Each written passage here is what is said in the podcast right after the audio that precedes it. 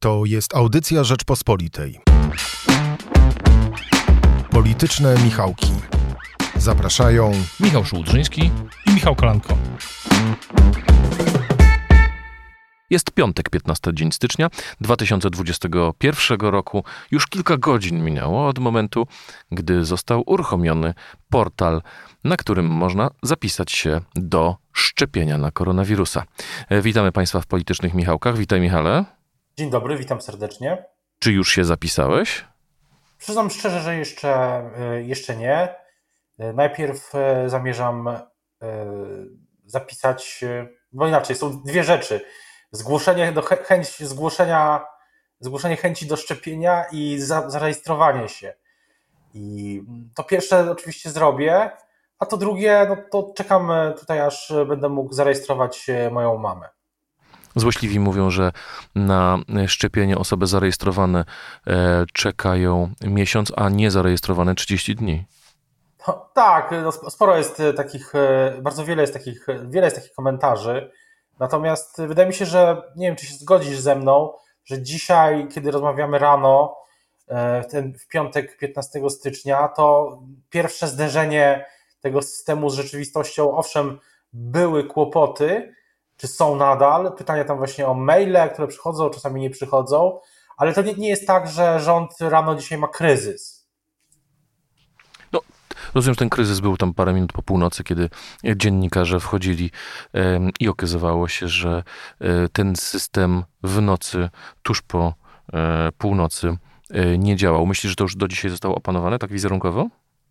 Myślę, że do, do czasu, aż ostatni Polak nie i Polka, czy Polka nie zaszczepią się przed, y, się przed koronawirusem, to, to nie będzie można mówić o tym, że ta sytuacja jest y, opanowana, bo jeszcze wydaje się, że przed rządem, no przed nami w ogóle, bo, bo to, to, jest, to jest sprawa większa niż y, polityka, e, kryzysy wizerunkowe i, i tak dalej, y, to do, do czasu, aż ten ostatni Polak i ostatnia Polka w tej rundzie szczepień nie zostaną zaszczepione, no, zaszczepiony lub zaszczepiona, to myślę, że, że trudno będzie mówić o opanowaniu sytuacji, bo w każdej chwili może wydarzyć się coś, co w ogóle zmieni postrzeganie tego programu szczepień. E, Coś się całkowicie zawiesi, będzie jakiś problem z logistyką em, i tak dalej, i, i tak dalej. Więc myślę, że myślę, że na mm, przy Alejach Ujazdowskich e, światło nie będzie gasło e, w nocy przez najbliższe miesiące. Ale cudownie metaforycznie powiedziałeś. Ale moje pytanie jest brutalne. E, Czy akcja szczepień to wóz albo przewóz Mateusza Morawieckiego? Myślę, że na to wszystko, na, myślę, że tu jest e, bardzo wiele czynników. E, Tak jak rozmawialiśmy ostatnio, prezes Kaczyński jednoznacznie w wywiadzie w ubiegłym roku dla Rzeczpospolitej powiedział, że bardzo chciałby, żeby premier Morawiecki, Mateusz Morawiecki był premierem do końca kadencji. I myślę, że no, na ten moment nie wydarzyło się nic, co, co, miałoby, mia- co miałoby wskazywać, że, że, będzie, e, że będzie inaczej. E, Na pewno dla dziedzictwa politycznego, jeśli mogę tak to ująć, e, i samego premiera Mateusza Morawieckiego, i Michała Dworczyka, ministra Michała Dworczyka, szefa KPRM i koordynatora tego narodowego programu szczepień, no jest to bardzo ważna sprawa, że nie mamy żadnych wątpliwości, że obecny kryzys to jest e, kryzys, który, który zapisze się w historii e, pod wieloma względami, tymi tragicznymi też ale też politycznymi, tak? Będą analizy, są analizy oczywiście już teraz, y, jak pandemia wpływa na, na politykę i niewątpliwie jeśli, gdy- dojdzie do kampanii wyborczej, bo ona prędzej czy później, albo będą wcześniejsze wybory, mało na to wskazuje teraz, albo oczywiście będzie termin konstytucyjny w 2023 roku, i no to wtedy dla premiera Mateusza Morawieckiego to, jak poradził sobie z tą pierwszą rundą szczepień, bo, bo mogą być następne, a nawet na pewno będą następne, będzie, będzie istotne. Tak samo jak właśnie przygotowanie całego systemu e, no działania już e, na cały czas, bo e, sygnały z rządu są, są jednoznaczne, że szczepienia trzeba będzie, trzeba będzie powtarzać. Wirus mutuje niestety, mm, taka jest jego natura. E, No i to sprawia, że do 2023 roku wydaje mi się, że e, pandemia po prostu będzie cały czas jednym z, bieżących wątków e, życia publicznego i te kolejne szczepienia, i transformacja naszego życia społecznego, gospodarczego do tego w, w tym nowym kierunku. Myślę, że bardzo ważny jest też ten projekt roboczo nazywany Nowy Polski Ład. Kilka dni temu, gdy opisywałem, czy komentowałem sondaż, który pracownia Ibris przeprowadziła dla Rzeczpospolitej, który pokazał, że PiS może liczyć na 32% poparcia mniej więcej, zarówno w sytuacji wspólnego startu opozycji w dwóch dużych blokach, jak i w sytuacji samodzielnego startu wszystkich partii. Postawiłem tezę, że ogłoszenie śmierci Prawa i Sprawiedliwości, końca Prawa i Sprawiedliwości było falstartem. E, I postawiłem na końcu tezę tego komentarza, że e, w tej chwili PiS ma szansę się odbić, ale może też pójść e, całkowicie pod lód. Właściwie wszystko zależy od zdolności mm, menedżerskich Mateusza Morawieckiego właśnie w kwestii przeprowadzenia tego nowego ładu i organizacji szczepień. I wyobraź sobie, dostałem SMS-a od kogoś z partii rządzącej, kojarzonego z wrogami Mateusza Morawieckiego. SMS e, składał się z trzech uśmieszków i komentarza. Zdolności menedżerskie Morawieckiego. Ha, ha, ha.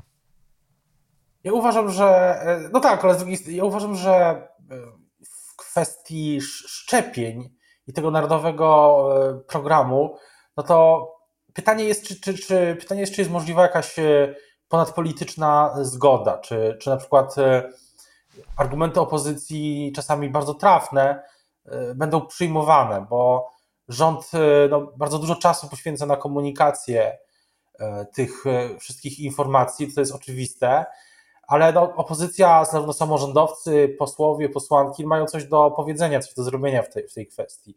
I też się tylko zastanawiam, czy na przykład organizacja kolejnego spotkania z opozycją w ramach tej takich akcji konsultacji. By, było kilka takich spotkań w KPRM-ie. E, przy, przy, przy, w świetle kamer ma, ma sens.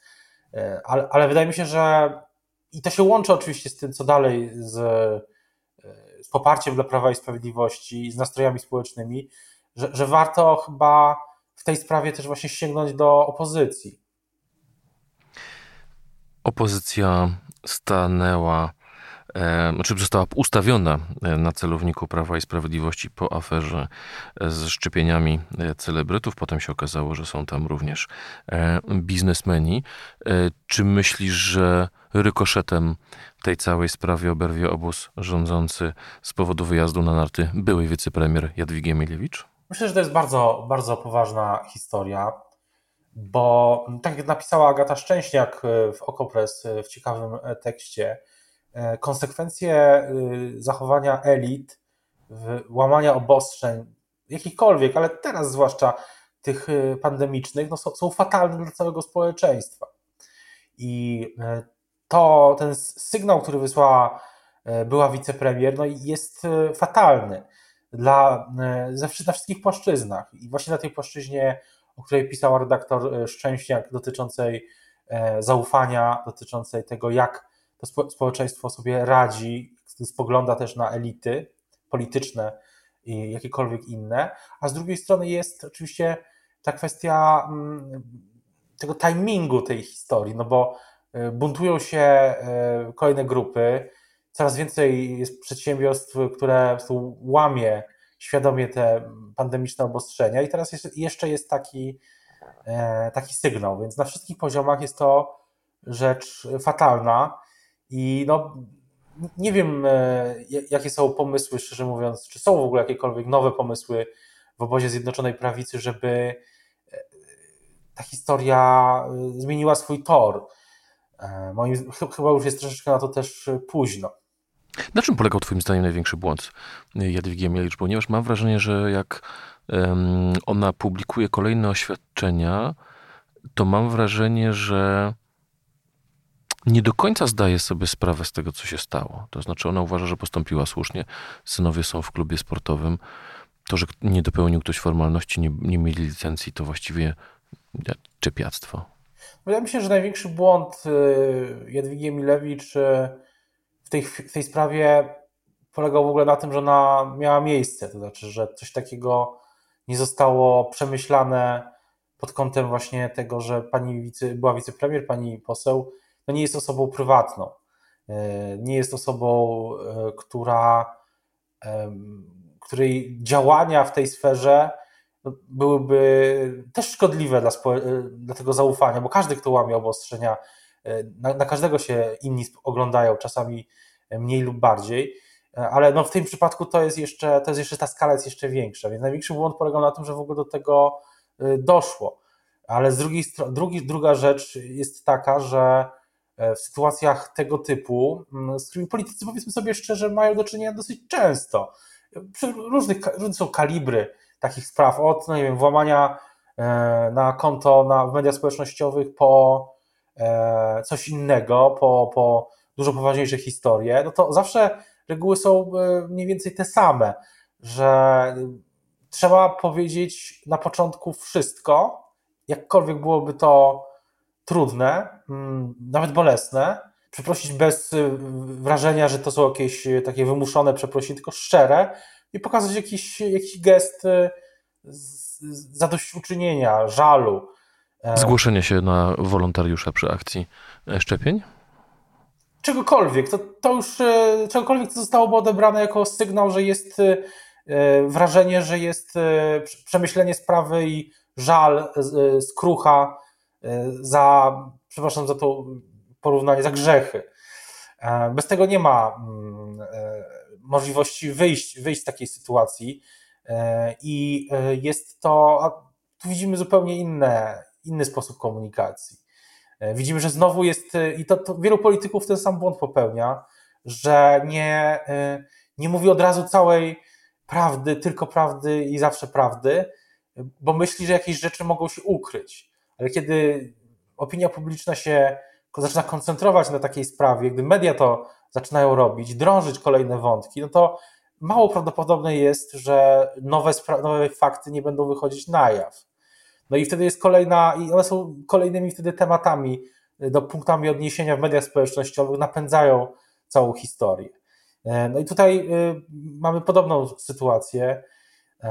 Inaczej na przykład zachował się wiceminister y, pełnomocnik rządu do spraw transformacji w górnictwie, e, pan Artur Soboń, który był na meczu siatkówki i od razu przeprosił jednoznacznie, bez, to nie było takiego, nie było takie przeprosiny w stylu jeśli kogoś uraziłem, uraziłam, to, to przepraszam. To nie są w ogóle przeprosiny swoją drogą. Tak, wiele, wiele na to e, wygląda. Czy Twoim zdaniem inna sprawa, która pojawiła się w tym tygodniu, czyli temat taśm z Wałbrzycha, e, jest, przyklei się do e, PiSu i będzie dla PiSu problemem? Myślę, że długoterminowo na pewno nie można bagatelizować politycznego znaczenia takich historii. Dlaczego mówię długoterminowo? Bo nie ma wątpliwości, i to mówią politycy i z opozycji, i oczywiście też politycy obozu rządzącego, że teraz uwaga opinii publicznej jest skupiona na jednej kwestii szczepieniach, a ewentualnie na drugiej, czyli oczywiście obostrzeniach. No i, tego, no i opinia publiczna jest tym wszystkim, tym drugim po prostu potwornie zmęczona. I, ale cały czas to jest najważniejsze, że to, że nie można się normalnie z, ze znajomymi y, spotkać w jakimś miejscu, że trzeba iść, chodzić na spacery. Ja ostatnio byłem, przechodziłem obok jednego z większych warszawskich y, parków i widziałem tam y, no, dziesiątki ludzi spacerujących oczywiście w maseczkach, z zachowaniem pewnego dystansu. I, I, wyglądali, wielu tych ludzi, no właśnie to byli ludzie, którzy pewnie w innej sytuacji byliby w jakiejś kawiarni, restauracji i to było widać, że, że widać było nawet takie ożywione dyskusje w trakcie tych spacerów, no ale ileż można. E, zwłaszcza, że temperatura mocno ostatnio spadła. I to zajmuje opinię publiczną. Takie, przepraszam za to słowo, mm, kombinowanie, e, co tu, co tu zrobić w takich e, sytuacjach. Gdzieś na spacer, czy, czy gdzieś, czy może spróbować i, no, złamać te obostrzenia bo też niektórzy się na takie rzeczy decydują. No, ku w przypadku wicepremier Emilewicz, no to z, z, były wicepremier z, z, konsekwencjami, jakie widzieliśmy. I taka sprawa jak ten, ta Wałbrzyska, myślę, że w innych warunkach, gdyby to nie, nie było pandemii, to była przecież sprawa, która by, byłaby porównywana z taśmami sowy, usowy, albo z innymi takimi przypadkami. Ale teraz ta polityka taka partyjna, w tym najgorszym wydaniu, bo to, do, do, z tym mamy do czynienia, jest po prostu gdzieś na 26 planie. Ale nie, nie mam wątpliwości, że ta partyjna polityka, kongresy, konwencje wrócą, gdy tylko wróci yy, przynajmniej częściowo normalność. No i kto wie, czy wtedy z, z dużą siłą ta sprawa nie wróci, bo jednak to zdanie, że my jesteśmy tacy jak inni, no to jest zdanie, które dla polityków PiS, no, trudno chyba sobie wyobrazić coś gorszego e, niż stwierdzenie, że my jesteśmy tacy jak inni. Bo właśnie PiS przez ostatnie prawie już 6 lat e, za każdym razem próbował udowadniać, że to właśnie PiS jest e, partią, która inaczej działa niż wcześniej Platforma i PSL. Chciałem jeszcze wrócić do tematu e, z jednej strony obostrzeń, z drugiej strony Jadwigi Emilewicza, jeszcze z innej strony buntu przedsiębiorców. E, słuchałem ostatnio wystąpień prezesa Agro Unii. E, słuchałem prezesów pana Kołodziejczyka, słyszałem wystąpień szefów mm, tej organizacji dotyczącej E, dotyczącej weta, tak, tatrzańskiego weta i e, bałtyckiego weta. I muszę powiedzieć, że retorycznie są to niezwykle sprawni. Czy myślisz, że e, pandemia to będzie czas, tacy, mm, no jeszcze mamy Pawła Tanajno, który, który w imieniu przedsiębiorców już od paru miesięcy protestował, robił protesty przedsiębiorców w sprawie obostrzeń koronawirusowych. Czy myślisz, że pojawią się tutaj jacyś nowi liderzy, powiedzmy polityczno-społeczni, którzy będą kanalizować ten bunt? Myślę, że, że jak najbardziej tak. I to y, sam, sam wymieniłeś yy, wielu ludzi, wielu polityków, nie, nie wiem, czy można nazwać ich politykami, ale no, wielu ludzi w przestrzeni społecznej, gospodarczej, którzy będą to robić lub próbować robić. I to dla Prawa i Sprawiedliwości też jest y, wyzwanie, no bo e, krytyka opozycji ze strony Prawa i Sprawiedliwości jest już niemalże e, rytualna.